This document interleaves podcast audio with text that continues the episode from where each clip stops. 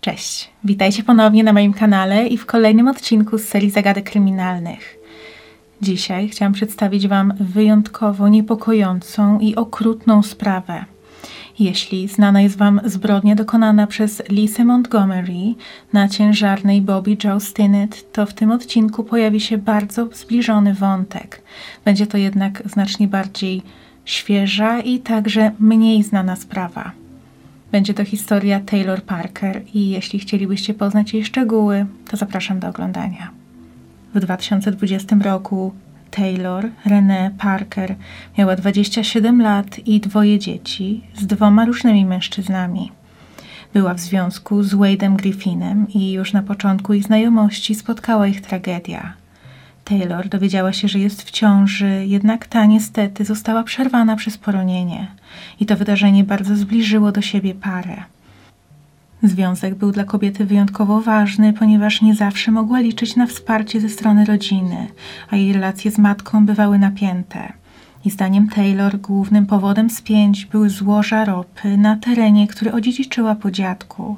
Matka podobno podsłuchiwała jej telefony, a nawet Taylor miała być śledzona przez meksykańską mafię. Taylor sprawiała wrażenie bardzo sympatycznej. Rodzina Wade'a ją uwielbiała i uważali za uroczą, przemiłą dziewczynę. Jedynie przedstawiane przez nią opowieści bywały dziwaczne i niewiarygodne. Pozory okazały się jednak dość mylące, ponieważ wkrótce Taylor odebrano prawa do opieki nad dwójką jej dzieci. Szalała także na punkcie swojego partnera, chciała spędzać z nim każdą chwilę i była w nim zakochana wręcz obsesyjnie, a sam mężczyzna określił ich związek jako emocjonalną kolejkę górską.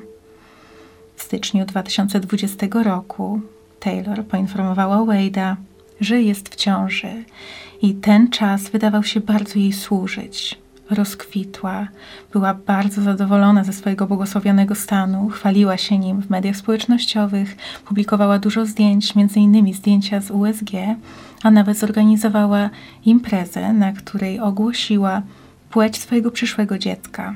Okazało się, że będzie to dziewczynka i rodzice postanowili dać jej na imię Clancy Gale. 9 października 2020 roku Taylor miała umówioną wizytę w szpitalu w Idabel w Oklahomie. Celem było wywołanie porodu, ponieważ wyznaczony wcześniej termin już minął i obawiano się o stan zdrowia dziecka. Tego samego ranka policja w New Boston w Teksasie odebrała telefon od roztrzęsionej kobiety, która twierdziła, że zamordowano jej córkę.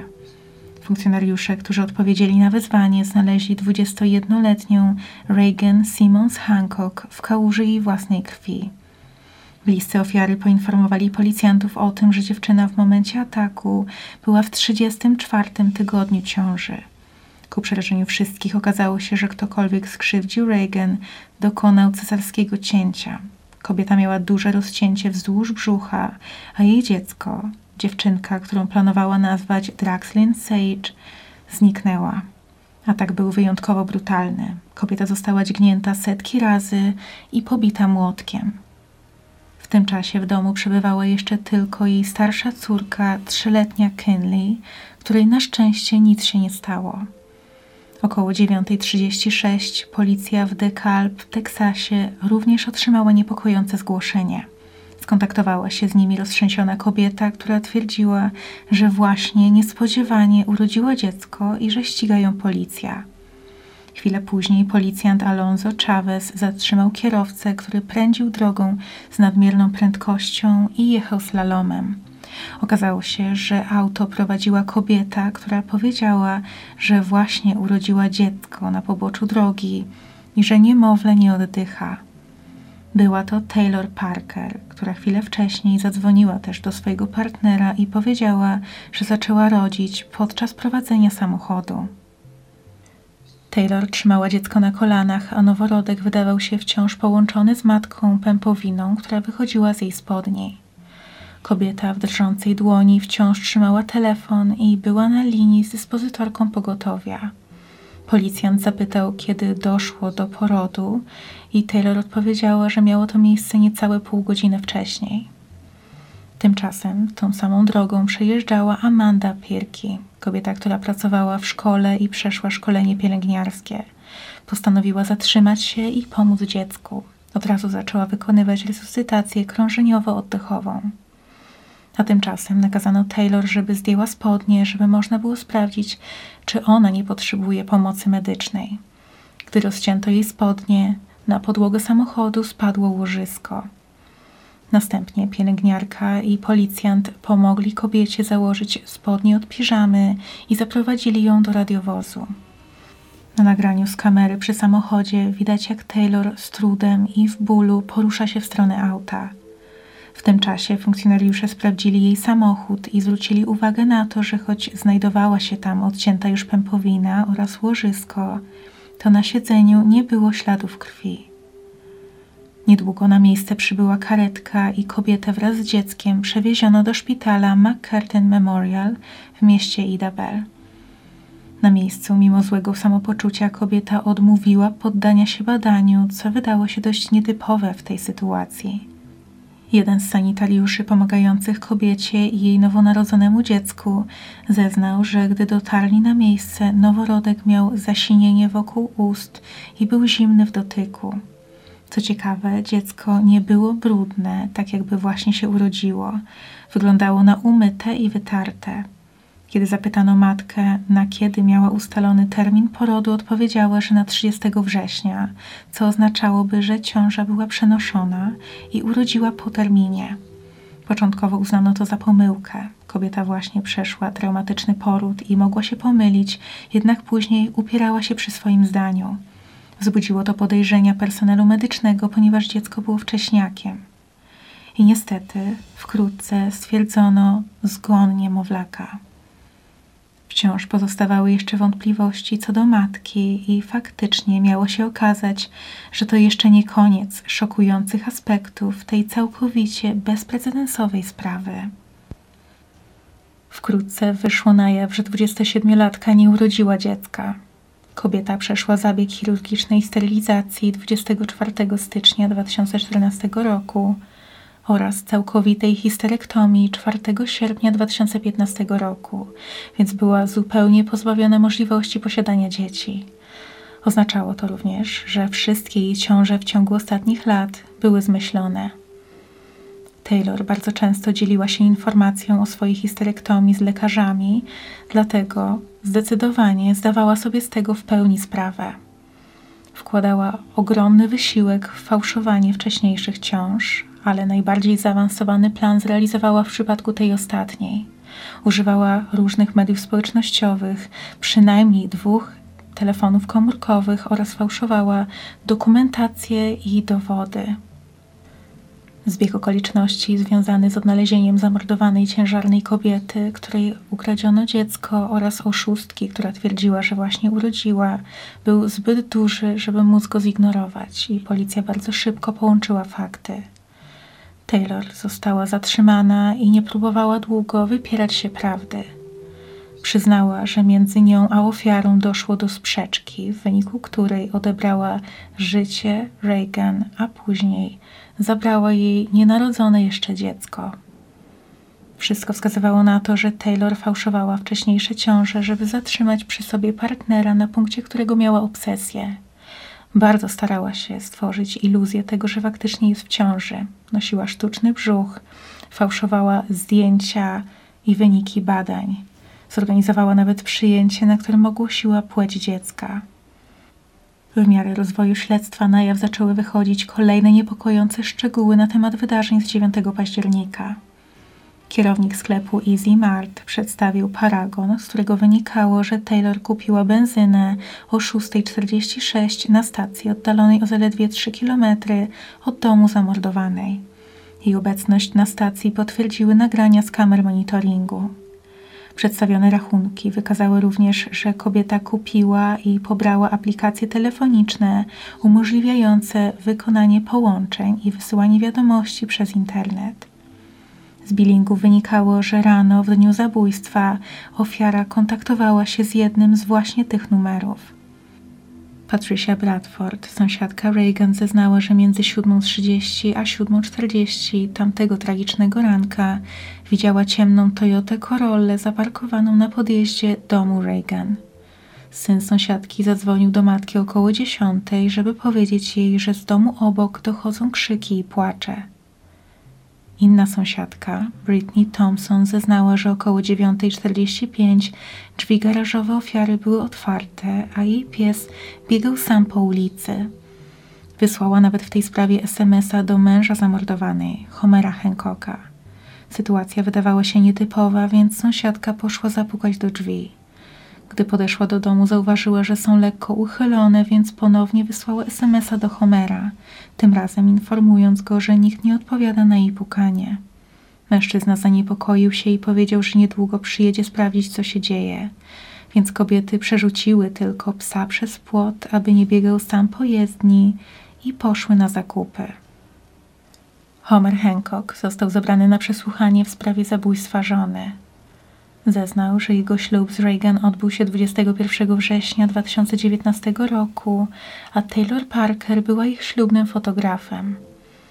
Powiedział również, że córka żony, Kenley, nie była jego biologicznym dzieckiem i że bardzo chcieli mieć wspólne potomstwo.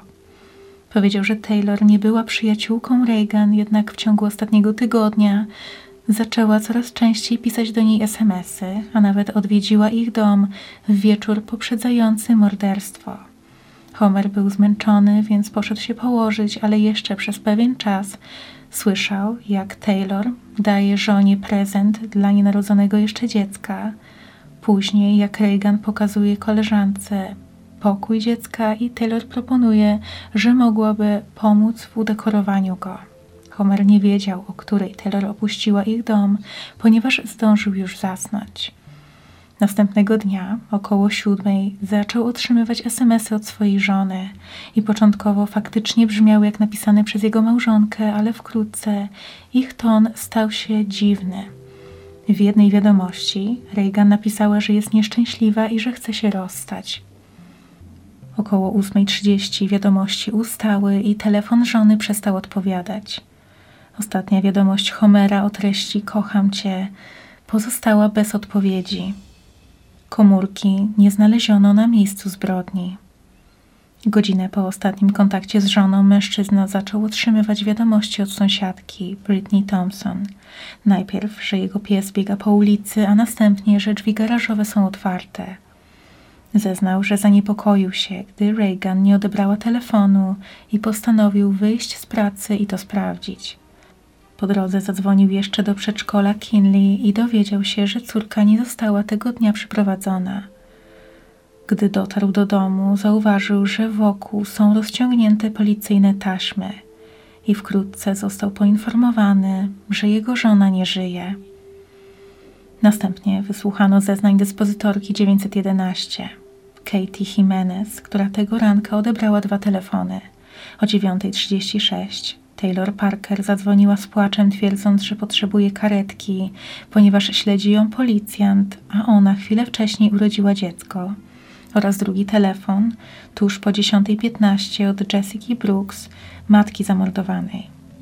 Na drugim nagraniu słychać było również, jak Jessica pyta swojego męża Markusa, czy ich wnuczka Kenley jest ranna. Po prawie trzech minutach było słychać głos Kenley, która pyta, gdzie jest mama. Władze ustaliły, że Parker była odpowiedzialna za odebranie życia Reagan oraz doprowadzenie do śmierci jej dziecka z powodu niemożności zapewnienia dziecku niezbędnej opieki. Przed sądem adwokat Taylor, Jeff Harrelson, powiedział, że jego klientka była bardzo kochającą i rodzinną osobą, ale niestety nie miała odpowiedniego wsparcia ze strony swoich najbliższych i przyjaciół. Proces sądowy rozpoczął się 20 października 2022 roku i trwał 25 dni. Zeznawało w nim aż 142 świadków. Prokuratorzy postulowali wymierzenie Taylor kary śmierci ze względu na okrucieństwo i premedytację oskarżonej. W międzyczasie na jaw wyszło jeszcze kilka wstrząsających faktów na temat tej zbrodni. Na zdjęciach ciała można zauważyć, że Reagan miała w zaciśniętej dłoni kępkę włosów swojej zabójczyni.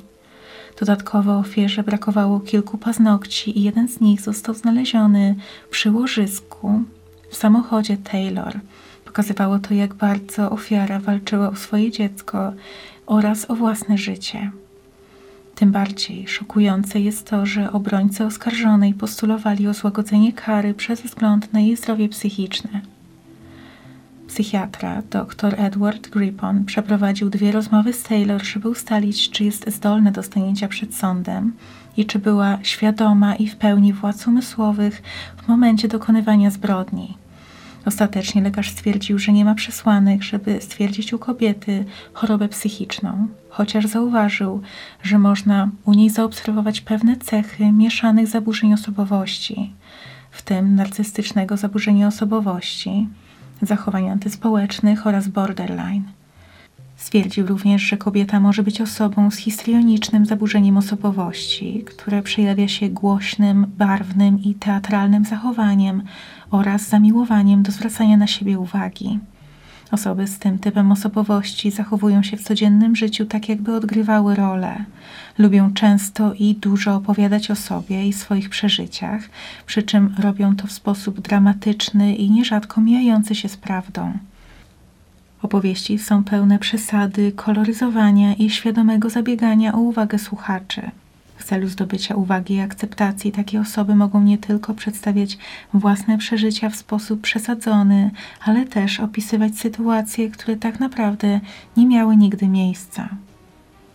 Lekarz dodał, że ze względu na to, że Taylor Parker nie miała w przeszłości przypadków przemocowych zachowań, to możliwe, że to morderstwo to był odosobniony taki przypadek i że w przyszłości najprawdopodobniej posuwałaby się najwyżej do manipulacji i kompulsywnego kłamstwa.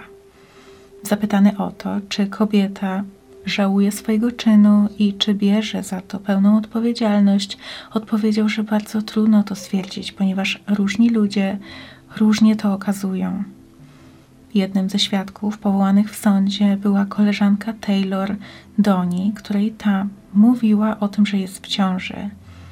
Doni wiedziała jednak, że kilka lat wcześniej koleżanka przeszła zabieg, który całkowicie uniemożliwiał jej posiadanie potomstwa. I wprost zapytała o to Taylor, ale ta wtedy odpowiedziała, że zdarzył się cud i cytując, wszystko jej odrosło. Bardzo często publikowała zdjęcia z USG w mediach społecznościowych i nawet skarżyła się na pewne dolegliwości związane z ciążą, ale za każdym razem podkreślała, że nie może doczekać się, aż pozna swoje dziecko. Po sprawdzeniu historii wyszukiwania Taylor ustalono, że szukała ona informacji na temat porodów naturalnych, ale także cesarskiego cięcia oraz tego, jak zarejestrować poród domowy. Podczas pobytu w więzieniu przed procesem Parker próbowała zrzucać winę za morderstwo na innych i nawet wplątywać innego więźnia w tę zbrodnię. Prokurator Kelly Crisp stwierdziła, że oskarżona próbuje czerpać korzyści ze swoich zaburzeń i traktuje je jako wymówkę dla swojego zachowania. Z drugiej strony jednak funkcjonariuszka więzienna, która pracowała w zakładzie w czasie, jak przebywała tam Taylor, twierdziła, że kobieta nie próbowała nikim manipulować i że możliwe, że sama była celem prześladowań ze strony innych funkcjonariuszy, ponieważ Homer Hancock, mąż jej ofiary, był byłym oficerem. Dyrektor placówki potwierdził, że gdy dwóch funkcjonariuszy przyszło pobrać próbki włosów od Parker, to celowo zachowywali się w niegrzeczny i niestosowny sposób. Podczas pobytu w więzieniu Taylor twierdziła, że potrzebuje butli z tlenem z powodu problemów z oddychaniem, jednak gdy ją otrzymała, to nigdy z niej nie korzystała i w sumie jest winna hrabstwu Bowie ponad 2260 dolarów na pokrycie kosztów leczenia. Podczas oczekiwania na wyrok zachowanie Taylor Parker było dalekie od pokornego. Wielokrotnie rozdzierała albo przerabiała swoje więzienne ubranie, a następnie skarżyła się na to rodzicom i prosiła, żeby przesyłali jej środki na nowe. Podczas rozmów z rodzicami bardzo często skarżyła się ogólnie na bardzo złe traktowanie, jakiego doświadczała za kratami. Tymczasem romansowała z kilkoma więźniami, obu płci, a także korespondowała z osadzonymi w innych zakładach karnych i nawet jednemu z nich pisała, że chce założyć z nim rodzinę i zbudować dom. Wpadała w furię, gdy stosowano wobec niej standardowe procedury bezpieczeństwa, takie jak na przykład skuwanie w kajdanki. 15 razy skarżyła się na problemy medyczne, a następnie odmawiała leczenia lub przyjęcia lekarstw. Zgłaszała problemy ze snem, koszmary senne i ataki paniki. Skarżyła się również na migreny i domagała codziennego badania ciśnienia krwi. Twierdziła, że w 2015 roku, po rozstaniu z ówczesnym mężem, próbowała odebrać sobie życie, a także, że przeszła udar mózgu, co tak naprawdę nigdy nie miało miejsca. 22 czerwca 2021 roku spotkała się z psychiatrą Mają Mason. I specjalistka stwierdziła, że badana nigdy wcześniej nie była leczona psychiatrycznie i nie miała myśli samobójczych. Taylor twierdziła, że ma depresję i skarżyła się na przemoc domową i wykorzystywanie seksualne. Mówiła, że jej byli mężowie i partnerzy znęcali się nad nią od lat. Ostateczny wyrok w tej sprawie zapadł niedawno, bo 10 listopada 2022 roku i Taylor Parker usłyszała najwyższy możliwy wymiar kary, czyli karę śmierci. Aktualnie jest jedną z siedmiu kobiet znajdujących się w tzw. Tak celi śmierci w Teksasie, czyli wciąż oczekujących na wykonanie wyroku. Zdaniem wielu jest to jedyny słuszny wymiar kary w przypadku tak niewyobrażalnie okrutnego czynu. Trudno uwierzyć, że takie sytuacje zdarzają się naprawdę. Muszę przyznać, że bardzo ciężko było mi o tym czytać i dzisiaj mówić, jednak myślę, że warto poznawać takie przypadki, wiedzieć, że one się zdarzają, chociażby ku przestrodze. I to jest już koniec tego odcinka. W komentarzach, jak zwykle, możecie dzielić się swoimi przemyśleniami i propozycjami tematów do kolejnych odcinków z tej serii. A teraz bardzo dziękuję Wam za oglądanie i do zobaczenia niedługo. Cześć.